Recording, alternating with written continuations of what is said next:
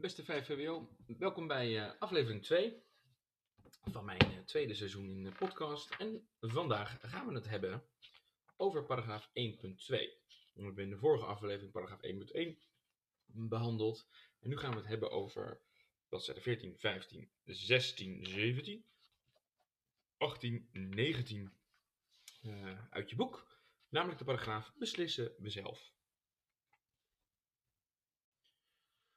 Allereerst wat belangrijk is in dit hoofdstuk is eigenlijk dat we eens gaan vaststellen wat is nou precies een, uh, een democratie. Nou, uh, uitvinding van de, van de oude Grieken. Die hadden het eigenlijk over het volk regeert. Um, hoe ik denk dat je het beste democratie kan uh, onthouden. Hè, dat is binnen politicologen zijn er nog steeds niet helemaal over uit van goh, wat is nou juist een, een goede definitie daarvoor. Wij mogen hem lekker vereenvoudigen. We gaan terug op de basis van de democratie. Dat betekent namelijk het volk bestuurt zichzelf. Dus we krijgen eigenlijk een nieuwe situatie waarin bijvoorbeeld niet meer een koning, een keizer, een monarch uh, of een kleine club mensen hebben die het voor het zeggen hebben. Maar nee, het volk bestuurt zichzelf. Nou, er zijn verschillende vormen in te bedenken. Denk bijvoorbeeld even aan een referendum. Een referendum is dus eigenlijk een soort, een soort volksstemming. Dus kortom, dan komt uh, de overheid met een bepaald probleem. En dan vragen ze eigenlijk aan die burgers, uh, zoals een tijdje terug met de privacywet. Zijn jullie het eens met de nieuwe privacywet, ja of nee? En dan krijgen burgers maar, zelf invloed. Oké, vinden we dat een goed idee? Willen we daar ja op stemmen? Of zijn we toch nog kritisch over die wet en zeggen we nee en laten we de overheid met een alternatief komen? Ja, dus dan geef je eigenlijk als overheid uh, geef je ontzettend veel macht terug aan de burgers. Nou, Nederland kent inderdaad wel uh, referenda, maar die zijn eigenlijk hier meer gezien, worden hier meer gezien als uh, raadgevend. Kortom, de, onze overheid zal zich niet zomaar neerleggen bij een besluit, maar ze zullen het wel zeker serieus nemen. Nou, wat wij in Nederland wel kennen, is dus een indirecte democratie. En dat betekent in feite dat wij mensen kiezen die namens ons beslissingen nemen. Dan hoeven jij en ik, kunnen wij gewoon lekker uh, ons leven leiden, ons werk doen, zonder dat we ons de hele dag hoeven af te vragen van goh, welke maatschappelijke en politieke problemen moeten we nou eigenlijk aanpakken? Uh, dat heeft een aantal voordelen. Denk even aan bijvoorbeeld um, gewoon het simpele gegeven dat we niet uh, uh, alle kennis hebben over de maatschappelijke en politieke problemen. Dus kortom, wat voor nuttigs kan je er dan over zeggen? Kijk, het systeem wat we nu hebben is echt gebaseerd op wie vertrouw je die namens jou beslissingen mag nemen. Dat is in, eigenlijk in essentie die indirecte democratie. Dus je niet feitelijk jij de baas, maar jij via jouw volksvertegenwoordiger, iemand die jou vertegenwoordigt. Nou, wanneer spreken we dan van wanneer nou een land echt een democratie is? Kan je heel simpel vinden gewoon op bladzijde 16. Er zie je vier kenmerken staan. De allereerste, de bevolking kiest al dan niet direct haar eigen bestuur. Als het volk vindt dat het bestuur niet functioneert, kan het via de stembus andere bestuurders kiezen. Dan twee, de verkiezingen zijn vrij en geheim. Vrij wil zeggen dat in principe iedereen mag stemmen. Denk even in Nederland dat het met name gaat om mensen boven de 18, hè, of eigenlijk alleen mensen boven de 18. En zich kandidaat mag stellen. Iedereen heeft vrije toegang tot de media om te kunnen vertellen wat zijn programma is en hoe hij denkt over de ideeën van andere partijen. Geheim betekent dat uh, niemand erachter kan komen waarop je hebt gestemd. Dan denk ook even aan die leuke verkiezingen als ze ze houden in Noord-Korea. Dat je inderdaad uh, je maar zeker, zeer de vraag kan stellen of die verkiezingen ook geheim zijn. Ja, in Nederland zou ik dus heel stiekem lekker op de Partij van de Dieren kunnen stemmen, maar wel nog gewoon zelf, zelf vlees blijven eten. Ja, een beetje, misschien een beetje een slecht voorbeeld, maar er is inderdaad niemand die, daar, die daarachter kan komen. Dat bedoelen ze dus met geheim. Dus ik bedoel natuurlijk niet met geheim dat we niemand gaan vertellen wanneer we verkiezingen gaan houden. Dat, dat je ineens die stembus uh, of ineens die stemkaart in de bus krijgt. En dan zijn er nog twee andere kenmerken uh, van die democratie. Die gaan we ook later in het jaar uh, in hoofdstuk 2 nog wat beter behandelen. Dat zijn de grondrechten van de burger. Denk bijvoorbeeld even aan een heel belangrijk grondrecht. de vrijheid van meningsuiting of de persvrijheid. Vrijheid van godsdienst. ook bijvoorbeeld artikel 1 van onze grondwet, wet op gelijke behandeling. Um, en als laatste kenmerk een onafhankelijke rechterlijke macht. En wederom, daar gaan we in hoofdstuk 2 meer mee, uh, meer mee aan de slag. Om toch nog één ding te zeggen over die uh, rechtsprekende macht, over die rechterlijke macht. Kijk, waarom het belangrijk is dat ze onafhankelijk zijn, is eigenlijk heel simpel. Zodat ze een uitspraak kunnen doen die ook nadelig is voor, voor onze overheid. Want je moet je gewoon heel simpel voorstellen, die rechters, die worden gewoon betaald uit algemene middelen. Dus uit ons belastinggeld. En uh, je kan je natuurlijk voorstellen dat ze lossen dat op met een levenslange benoeming. Dat betekent dus inderdaad van dat je als rechter door de overheid niet ontslagen kan worden. En wat we hopen dat dat verzekert, is dus dat rechters recht durven te spreken tegen de overheid, als bijvoorbeeld onze grondrechten als burger uh, geschonden worden. En dat is natuurlijk de charme uh, en juist goed dat uh, de overheid die rechters niet kan ontslaan. Want ik kan me voorstellen dat rechters zoiets hebben van ja, ik kan wel de kant voor de burger nu kiezen, maar ik moet natuurlijk ook denken dat mijn salaris netjes betaald wordt. Dus ik kan niet altijd nadelig zijn tegen die overheid. Daarom zie je vaak dat politici in de politiek zich heel erg terughoudend opstelt als het gaat over die rechtspraak. Omdat ze dus echt uh, het idee hebben, en dat is ook goed dat ze dat hebben, van die machten moeten van elkaar gescheiden zijn. Uh, wij zijn de uitvoerende en wetgevende macht. En de rechterlijke macht die moet onafhankelijk zijn. Die moet eerlijk over het recht kunnen beslissen. Dus kortom, die moet ons ook een beetje af en toe op onze sodemieter kunnen geven. Net zoals ze dat misschien bij de burgers ook doen. Dat zijn allemaal kenmerken, of ja, zaken die samenhangen met die, met die democratie. Dan hebben we ook nog een behoorlijke tegenpol op. En dat is uh, eigenlijk de dictatuur. En daarvoor wil ik even dat je met mij meeleest, lekker op bladzijde 15. Uh, ik zal het even voor jullie voorlezen. In 2012 zijn er van de 200 staten in de wereld ruim 30 die een bepaalde vorm van een dictatuur kennen. De meeste zijn te vinden in Afrika en het Midden-Oosten. In een dictatuur, en dat is even belangrijk, is alle macht in handen van één familie, of van één persoon, of van één partij. Uh, in een militaire dictatuur heeft het leger de macht, in een totale dictatuur herken je aan de totale controle van de bevolking door de machthebbers. Soms gaat dat gepaard met verregaande verheerlijking van de persoon van de leider. Zoals bijvoorbeeld in Noord-Korea. Nou, lees je verder. Als er al verkiezingen in dictaturen zijn, wordt de uitslag van die verkiezingen vervalst en mag niet elke partij eraan deelnemen.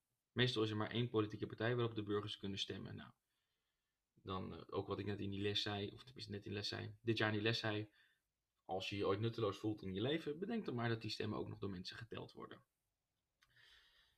In dictaturen bestaat geen vrije pers, dus kortom, we mogen niet zomaar zelf onze mening uiten. En alles wat journalisten schrijven, daar gaat die overheid natuurlijk heel kritisch naar kijken. En je ziet al, kritiek op de overheid is verboden. Politieke tegenstanders van het regime belanden zonder vorm van proces, zonder, zonder onafhankelijke rechtspraak, in de gevangenis. Er zijn ook nog wat verschillen tussen een democratie als Zwitserland, waar de burgers invloed hebben op het beleid van de overheid, en een dictatuur zoals Noord-Korea, waar duizenden mensen in kampen vastzitten omdat ze het niet eens zijn met de regering. Ja? Nou, dat lijkt me in Nederland ook niet echt een haalbaar scenario. Dat als jij het niet eens bent met de overheid en je houdt je wel keurig netjes aan de wet, dan is er eigenlijk bijna geen manier uh, om in de gevangenis te belanden. Nou, dan moet je wel een hele slecht functionerende democratie hebben. En ik zie dat niet 1, 2, 3 gebeuren. Nou, nu we democratie en dictaturen een beetje behandeld hebben, is het wellicht nu een handig idee om uh, nou, misschien je boek er even bij te pakken, voor zover dat kan. Hè? Want je kan deze podcast natuurlijk ook gewoon uh, op je fiets naar school uh, luisteren. Maar als je je boek erbij hebt, is het misschien wel aardig om even die schemaatjes op bladzijde 17, 18 en 19 erbij te pakken. En laten we gewoon eens beginnen met het schemaatje op bladzijde 17. Nou, dat geeft eigenlijk aan hoe we op rijksniveau ons bestuur hebben georganiseerd. En het begint eigenlijk helemaal onderaan. Want het begint bij Nederlanders van 18 jaar en ouder. Wat gaan die nou doen? Die kiezen één keer per vier jaar de leden van de Tweede Kamer. Daar krijg je dus, de stem je dus op een bepaalde politieke partij. Je ziet daar het voorbeeld in het boek staan. VVD, PvdA, SGP. Um, aan de andere kant zie je nog een ander streepje staan, want we kiezen ook één keer per jaar provinciale staten. En die kiezen, provinciale staten, op hun beurt weer, op hun beurt weer uh, de leden van de Eerste Kamer, de Senaat, 75 leden. Nou, die twee dingen samen, Eerste en Tweede Kamer, die noem je samen de Staten-Generaal, oftewel dat parlement. En de belangrijkste taak van het parlement, zie je al, met een, zie je al rechts met dat pijltje staan, is eigenlijk het controleren van die regering en het controleren van het kabinet. Ze moeten daar natuurlijk ook vertrouwen in hebben. Dus je ziet dat pijltje vanaf Staten-Generaal naar boven staan. Um, en dan zie je daarna een pijltje teruglopen vanaf die regering en het kabinet, dat zij verantwoording moeten afleggen aan die Staten-Generaal. Dus kortom, die zijn eigenlijk bezig met inderdaad het uitvoeren van, van wetten. En als ze uh, iets, uh, iets uitvoeren, geven ze verantwoording aan, dat dus in feite zijn wij dat dus, het volk. Want wij hebben die mensen gekozen die in de Eerste en Tweede Kamer komen te zitten. Dus kortom, de mensen die de beslissingen nemen, die de macht eigenlijk hebben, die leggen continu verantwoording af, eigenlijk aan het volk. Ja, hier staat natuurlijk uh, staat de generaal, maar wij hebben enorm veel invloed als burgers op wie er in die Eerste en Tweede Kamer terechtkomen. Nou, zowel die Staten-Generaal, uh, dus het parlement, als de regering en het kabinet, uh, die bestaan uit, dat is eigenlijk de wetgevende macht. Die maken alle wetten. In de praktijk betekent dat eigenlijk dat de meeste wetten worden gemaakt, echt het leeuwendeel, door die regering en dat kabinet. Omdat kortom, daar zitten ministers en staatssecretarissen die beschikken tot een leger van ambtenaren die al die wetsvoorstellen gaan schrijven. En dat wordt over het algemeen weinig gedaan door Kamerleden zelf. Ja, eerste, uh, eerste Kamerleden kunnen helemaal niet met een initiatiefwet komen of met een amendement. Gaan we het later in 1.4, in aflevering 4 van deze serie, gaan we het ook nog over hebben. Um, maar dat wordt over het algemeen ook vrij weinig gedaan door onze, door onze Tweede Kamerleden zelf. Nou, en er zijn allerlei redenen voor en uh, dat bespreek ik graag in de vierde aflevering van deze podcastserie. Slaan we de bladzijde om en dan komen we bij pagina 18. En daar zie je eigenlijk, nou we hebben net gekeken inderdaad naar hoe is dat op rijksniveau georganiseerd. Gaan we nu een niveautje lager en dan komen we aan bij provinciaal niveau. En dan zie je weer onderaan Nederlanders van 18 jaar en ouder. Kijk, en de mechaniek, dames en heren, is weer gewoon hetzelfde. Dus dat kiezen en controleren. Um, dat krijg je eigenlijk min of, meer, uh, min of meer terug. En ook weer die verantwoording. Dus gedeputeerde staten legt ook verantwoording af aan provinciale staten. Hè. Dus die zijn eigenlijk weer het algemeen bestuur uh, van, van de provincie. Ja. Dus eigenlijk de enige switch die we nu gemaakt hebben, is uh, kijken naar dagelijks bestuur en algemeen bestuur. Nou, die worden nu ook in het schemaatje geïntroduceerd. Die zou je ook keurig netjes ehm, in het andere schemaatje, schema 17, kunnen zeggen. Hè? Het algemene bestuur is inderdaad ook gewoon het parlement. En het dagelijks bestuur, het kabinet en de regering. Dus dat is verder allemaal niet zo uh, ingewikkeld. Nou, als je dan kijkt op bladzijde 19, dan zie je daar inderdaad staan dat, op, dat op gemeenteniveau. Nou, er is inderdaad uh, één belangrijke wijziging. Nederlanders en EU-burgers van 18 jaar en ouder en buitenlanders van 18 jaar en ouder, die minimaal 5 jaar legaal in Nederland wonen, die mogen allemaal stemmen voor de gemeente. Nou, waarom doen we dat nou? Omdat inderdaad als je hier zo lang woont, dan hebben we op een gegeven moment gezegd, dan is het wel redelijk dat je mag meebeslissen in de gemeente waar je woont over bepaalde zaken. En dat meebeslissen wordt dan vormgegeven door dat jouw stem ineens net zoveel waard is als bijvoorbeeld jouw buurman, die naast je woont en die bijvoorbeeld zijn hele leven al wel in Nederland woont. Ja, lijkt me niet meer dan, uh, lijkt me niet meer dan redelijk. En ook daar zie je weer dat verschil tussen wat is nou het dagelijks bestuur. Nou, dan zie je staan het college van BNW, het college van burgemeesters en wethouders en wat is het algemeen bestuur gemeenteraad. En daar heeft dus feitelijk ook, hetzelfde geldt voor de Tweede Kamer en voor Provinciale Staten, de gemeenteraad eigenlijk de ultieme macht. Wederom zijn zij inderdaad uh, niet bezig met inderdaad alle APV's en het dagelijks bestuur, maar als puntje bij paaltje komt, zijn zij wel de baas. Hetzelfde geldt natuurlijk voor Provinciale Staten en hetzelfde geldt ook voor de Tweede Kamer op uh, ja, provinciaal en landelijk niveau. Nou, in deze indeling van de, die besturen op verschillende niveaus, hè, dus op rijksniveau, provinciaal niveau en gemeente, gemeenteniveau, dat noemen we eigenlijk met een mooi woord die gedecentraliseerde eenheid staat. Dus dat betekent eigenlijk dat het Rijk schetst bepaalde kaders. Het Rijk zorgt voor een, uh, ja, je kan het een beetje vergelijken met, uh, met een kleurplaat. Uh, het Rijk mag zeg maar de randjes tekenen waarbinnen er gekleurd mag worden. En de gemeente en provincie die kleuren dat naar wat er mogelijk is binnen de wet en welke mogelijkheden die het Rijk geeft. Hè. Moet je voorstellen dat het Rijk ook de, de kleuren aanlevert waarmee ze mogen tekenen. Ja, misschien een beetje een vage, vage hoe zeg je dat? Vaag voorbeeld. Maar het gaat inderdaad wel om dat Rijk kadert. Hè, dus de Eerste en Tweede Kamer, die stelt bepaalde regels vast, de regering en kabinet. En dan is het aan gemeenten en provincies om binnen die regels die vastgesteld zijn, voor hun eigen gemeente of provincie voor geschikte oplossingen te kiezen. Ja, dus dat hoeft inderdaad in Nederland niet overal hetzelfde geregeld te zijn, maar het gebeurt wel altijd volgens dezelfde spelregels, ja, volgens dezelfde wetten. En daar refereert binnen het woord gedecentraliseerde eenheidsstaat die eenheidsstaat naar. Hè. We hebben overal in Nederland dezelfde wetten. Terwijl als je bijvoorbeeld gaat kijken naar een federale staat, zoals in Amerika, daar heb je inderdaad bepaalde uh, federal laws.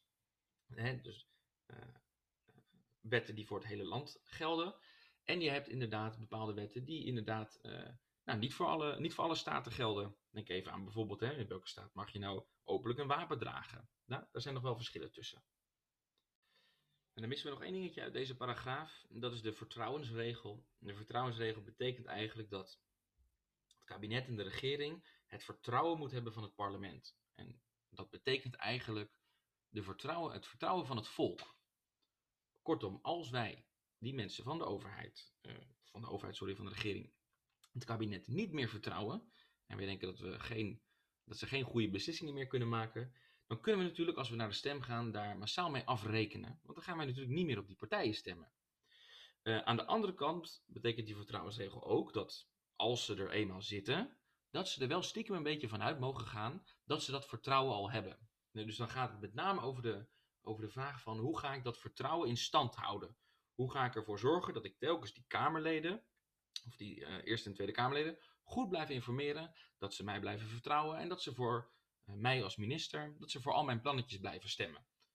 Want op die manier kan, uh, kan ik als enige mijn wetten pas doorvoeren. Die Tweede Kamer, die Eerste Kamer moeten het daarmee eens zijn. Dus ik moet altijd op zoek naar steun daar. En stiekem, als ik er zit, mag ik er al een beetje van uitgaan dat als ik daar ben neergezet door het merendeel van die personen, dat ik natuurlijk dat vertrouwen en die steun al heb. Ja, totdat natuurlijk het, uh, het tegendeel uh, wordt bewezen.